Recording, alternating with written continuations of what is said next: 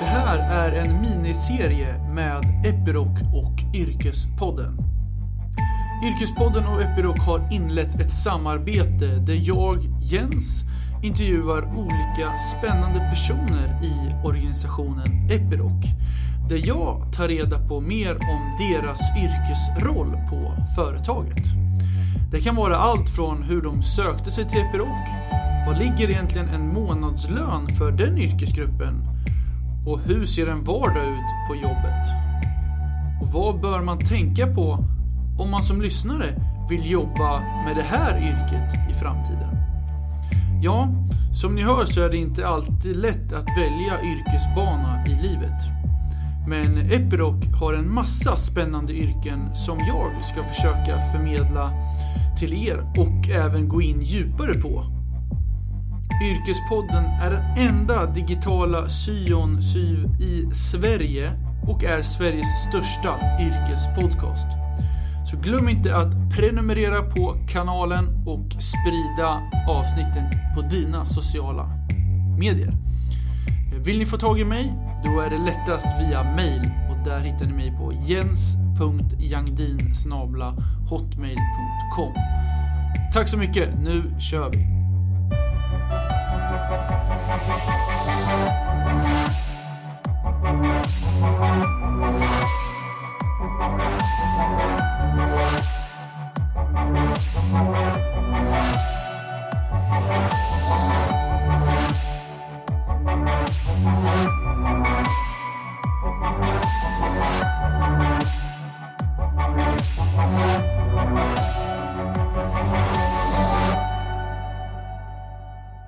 Välkommen eh, till Yrkespodden eh, Jenny Persson. Tack så mycket. Eh, hur är läget med dig då? Det är bara bra.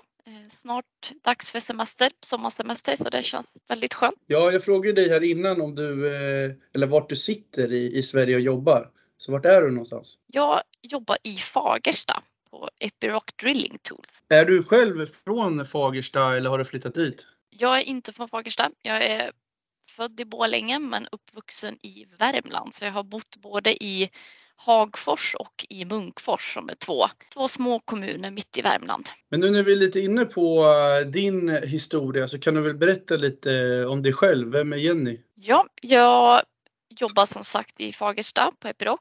Jag bor utanför Avesta eh, på landet där med min man och två barn. Pluggade naturvetenskaplig linje på gymnasiet och sen så pluggade jag eh, till civilingenjör i materialdesign när jag gick vidare till, till högskolan. Pluggade på Högskolan Dalarna i Borlänge, eh, även om det formellt sett faktiskt var KTHs utbildning. För Högskolan Dalarna hade inte då och har inte nu heller vad jag vet eh, examensrättigheter för civilingenjörer. Då. Så utbildningen var KTHs i grunden och man, man valde att liksom flytta en av inriktningarna då, eh, till Högskolan Dalarna i Borlänge. Så jag gick där hela alla, alla åren då. Examen för KTH. Vi hade en del, några labbar i Stockholm på KTH och så hade vi en hel del lärare som åkte upp till Borlänge och få hålla kurser med oss och föreläsningar. När du eh, pluggade civilekonom eller civilingenjör, jag blir lite nyfiken. Hade ni eh, mycket praktik i, i den eh, liksom, utbildningen eller var det bara teoretiska ämnen? Ja, nej, det var i, ingen praktik alls. Ingår inte. Nej, jag förstår. Men har det alltid varit glasklart att du ville plugga liksom civilingenjör eller hur kom du in på det spåret? Ehm, ja, jag tror nog att det var när jag gick gymnasiet så fick jag åka till KTH eh, när de hade sina, de hade någonting som de kallar för Brinelldagarna. Där då KTH gör reklam för just den här utbildningen, materialdesign. Eh, så jag var där och tyckte att det verkade väldigt eh, intressant. Eh, och på den vägen är det väl egentligen. Jag tyckte att biologi också var väldigt roligt i skolan. Eh, men, men insåg väl kanske redan då att, att arbetsmarknaden för, för en ingenjör i industrin är bättre än för biologer. Då. så då, då blev det så. Då fick det bli ingenjörsbanan jag valde. Mm. Och det vart Högskolan Dalarna säger du? Ja. Eh, var det liksom, för då bodde du i Värmland och flyttade till, eh, till Dalarna eller hur, hur såg den flytten ut? Ja, nej men det stämmer. Det var, jag fortsatte, fortsatte plugga direkt efter gymnasiet så då hösten så skaffade jag en liten studentlägenhet i, i Bålänge och flyttade dit. Mm. Kul, kul. Eh, om vi tar oss tillbaks lite när du tog examen från civilingenjör. Hur såg det ut när du skulle börja söka jobb? Var det direkt då Atlas Copco, dåvarande som nu är Epiroc, var det liksom det som var fokus direkt eller var det liksom, vart på arbetsmarknaden sökte du dig? Ja, jag tog, det var så här, jag tog ju examen i december 2008 och det var ju precis då som hela den här subprime ja, bolånekraschen i USA. Just det. Eh, så, så allting dök väl ganska abrupt där. Ja. Eh, från, från, det kändes som att allting i industrin hade gått liksom på hög varv eh, under hela utbildningen då. Men sen då i där i hösten 2008 så, så kraschade väl allting lite grann. Så det blev mm. väl ganska mycket inbromsningar. Eh, så jag blev kvar eh, som doktorand på högskolan faktiskt. Eh, höll, höll på med det i två år ungefär. Men kände väl under tiden att och vara i, ja men det är, det är nog inte riktigt min grej att vara inom akademin. Mm. Så då kände jag att nej, det är nog ändå i industrin jag hör hemma. Så då letade jag helt enkelt efter, efter jobbannonser och bara, ja, men bara råkade hitta en ledig annons på Epiroc i Fagersta eller ja, Secoroc som vi hette på den tiden för det var ju innan då eh, innan man hade innan vi hade blivit splittade från Atlas Copco för att bilda ett eget bolag då. Mm. Så nej, jag sökte det jobbet, ja, fick komma på intervju eh, och sen så blev jag erbjuden tjänsten. Och tog det. Så det var inte, inte krångligare än så. Nej, vad kul. Kommer du ihåg lite hur rekryteringsprocessen såg ut? Var det bara en intervju eller var det flera intervjuer? Var det någon liksom IQ-tester eller om vi tar oss tillbaks lite. Eh, kommer du ihåg? Ja, ska jag vara helt ärlig kommer jag inte exakt ihåg. Eh, men jag kommer ihåg att jag i alla fall blev intervjuad av eh, rekryterande chef och att jag även eh, blev intervjuad av eh, HR då. Men sen om det var några sådana här kompetenstester eller personlighetstester. Jag kommer faktiskt ärligt talat inte ihåg. Mm, jag förstår. Eh, hur såg eh, första dagarna ut, eh, första veckan ut eh, när du var anställd på Epiroc? Bra fråga. Jag hade turen när jag började så jag skulle ersätta Eh, en person som skulle gå i pension. Och jag hade faktiskt lyxen att få komma in innan hon hade blivit pensionerad. Så vi fick gå parallellt i nästan ett år eh, innan hon slutade. Så hon tog ju hand om mig eh, jättefint och, och lärde upp mig då på, ja, på, på tjänsten och på uppgifterna. Så det var, ja, det, det tror jag är en sån där grej som är, är få förunnat och det var väldigt, väldigt värdefullt. Så det var en bra inskolning helt enkelt? Ja, det var det verkligen. Absolut. Och, och idag så jobbar du som materialingenjör eh, och inom ämnena stål och hårdmetall. Det kan ju låta lite avancerat eh, från ett lyssnarsperspektiv. Eh, om du skulle förklara lite din roll och hur en vardag ser ut. Vad, vad gör du om dagarna? Mm, eh, absolut just vad gäller Eh, stål, jag tillhör ju vår forskning och utvecklingsavdelning och då som sagt materialgruppen som jobbar med stål och även hårdmetall. Eh, stålet, vi har ju inget eget, vi tillverkar ju inget eget stål utan det är sånt som vi köper in. Men vi bearbetar ju och värme, vi har en egen värmebehandling, olika typer av värmebehandlingar då. Så det blir ju stål och värmebehandling då. Eh, medan då hårdmetallen, där har vi faktiskt en egen tillverkning där vi köper in råvaror och tillverkar hårdmetall i en eh, pulvermetallurgisk process.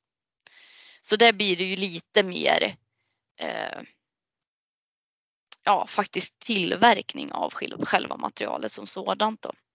Men jag skulle också säga att vi jobbar ju ganska brett i mitt gäng. Eh, det blir mycket fokus både på, beroende på vilket projekt man jobbar i för stunden så kan det bli antingen fokus produktutveckling eller kanske fokus processutveckling. Så att vi är nog, ja, men beroende på, på vilket projekt det råkar vara så kan det vara eh, ganska blandat. Eh, vi har ju även en hel del analysutrustning, eh, till exempel här, eh, svepelektronmikroskopi och eh, röntgen. Eh, så det, då, och då kan man då kanske vissa av oss har lite mer, eh, ja men vissa dagar eller vissa av oss har liksom lite mer den specialiteten. Att det är själva analysen av materialet som, som man eh, fokuserar på. Nu blev det lite mer generellt för hur vi jobbar i gruppen men eh, min grupp har även eh, ansvar för, eh, eh, våra, för reklamationerna.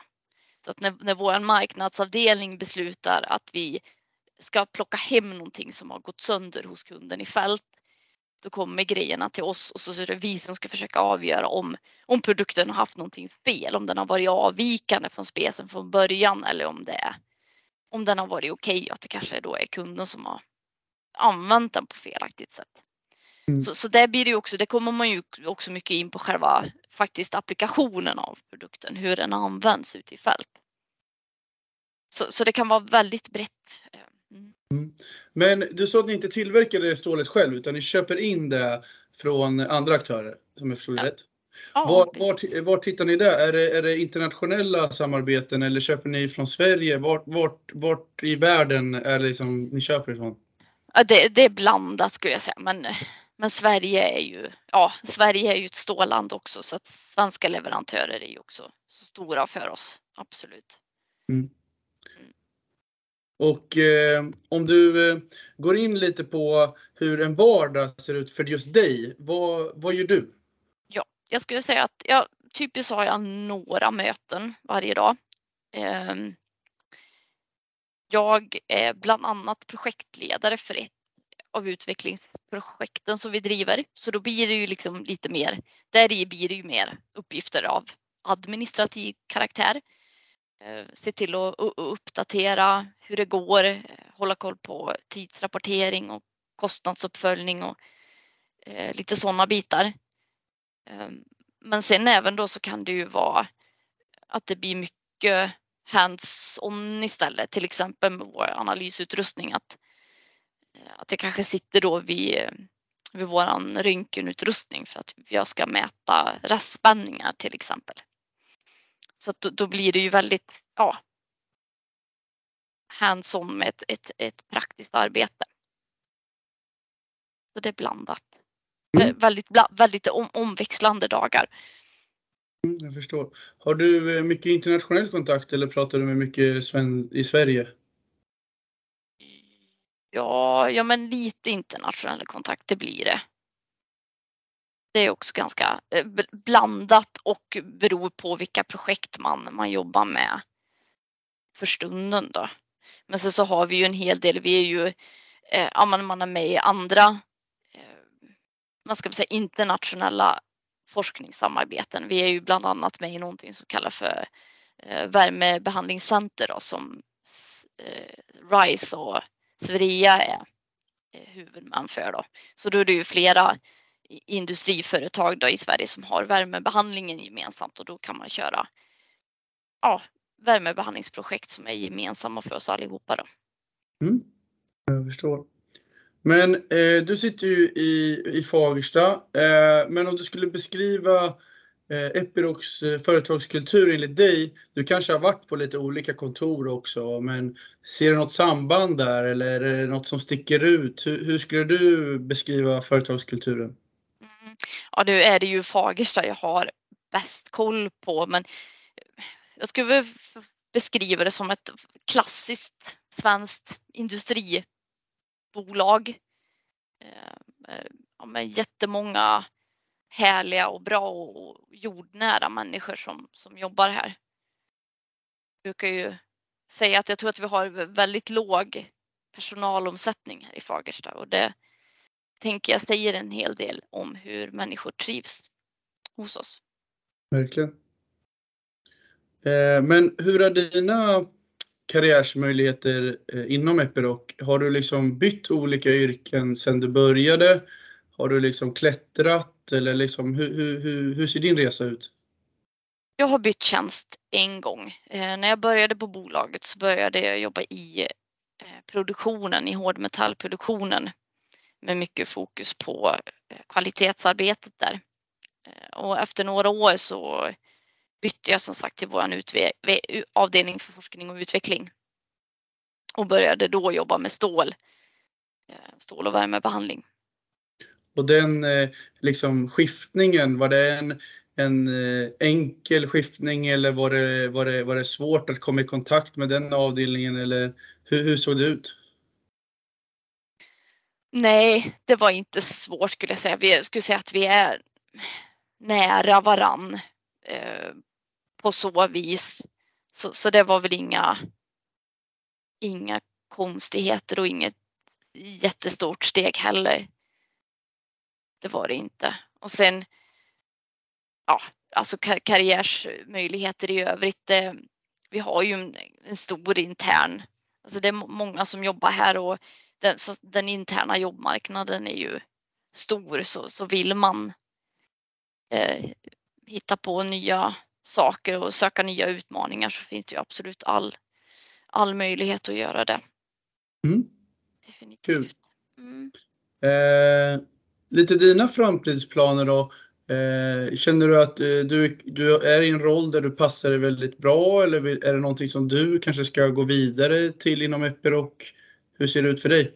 Ja, bra fråga. Eh, just nu så trivs jag väl väldigt bra där jag är. Ehm, håller på att driva ett väldigt roligt och intressant projekt så ja, men kortsiktigt är ju definitivt målet att fortsätta driva det projektet och se till att det ja, men förhoppningsvis blir en kommersiell produkt i slutändan av det. Det skulle vara väldigt roligt om det gick. Sen, eh, ja, men sen får vi se. Mm. Vad, vad som händer. Det är det som är så roligt med att just vara på forskning och utveckling, att det blir ju alltid, det blir ju alltid nya saker, även om man formellt sett är kvar i samma tjänst. Om du skulle dra ett snitt, hur, hur länge brukar ni ha ett projekt öppet liksom tills det start i mål? Är det, snackar vi ett år, snackar vi flera år eller snackar vi månader? Mm. Det beror ju helt på.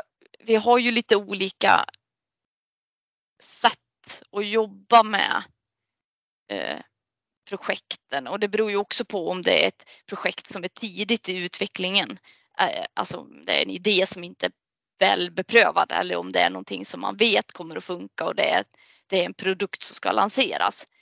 Eh, men generellt, eh, man försöker väl att ha inte för långa projekt och i så fall så delar man hellre upp dem i, i delar så kanske ja, men ett år kanske är en typisk tidsperiod och även att man lite tidigare i, i kedjan försöker driva projekt med ännu kortare tidshorisont. Ehm, det har ju blivit ganska populärt att, att, att jobba agilt eller prata om ja, med Scrum och de här agila arbetssätten och tanken med det, det är ju väldigt mycket att man ska jobba i, i korta intervaller. Man, man plan, planerar för en kort intervall och så gör man det och sen därefter så bestämmer man fortsättningen. Så. Mm. Ja, jättebra. Eh, om vi ska avsluta lite nu så tänkte jag att jag skulle ställa en fråga kring just ditt yrke. Att om det är någon som lyssnar och känner att eh, ingenjör, materialingenjör låter jäkligt intressant. Vad skulle du ge till för tips eh, till den lyssnaren? Eh, vad man ska vara förberedd på eller vad man eh, bör liksom veta om? Mm. Men det bästa tipset det är, det är väl att, att skaffa sig, alltså helt enkelt plugga lite materialvetenskap. Eh, definitivt. Det finns ju inte eh, Alltså om man jämför med till exempel maskinteknik som är mycket mer ut, brett så finns väl inte materialteknik riktigt på samma sätt eh, till, men det finns ju ändå på, ja men, eh, jag vet KTH har ju, KTH har ju sin upp, utbildning, Luleå, eh, Uppsala. Så vi har ju också Bergsskolan i Filipstad.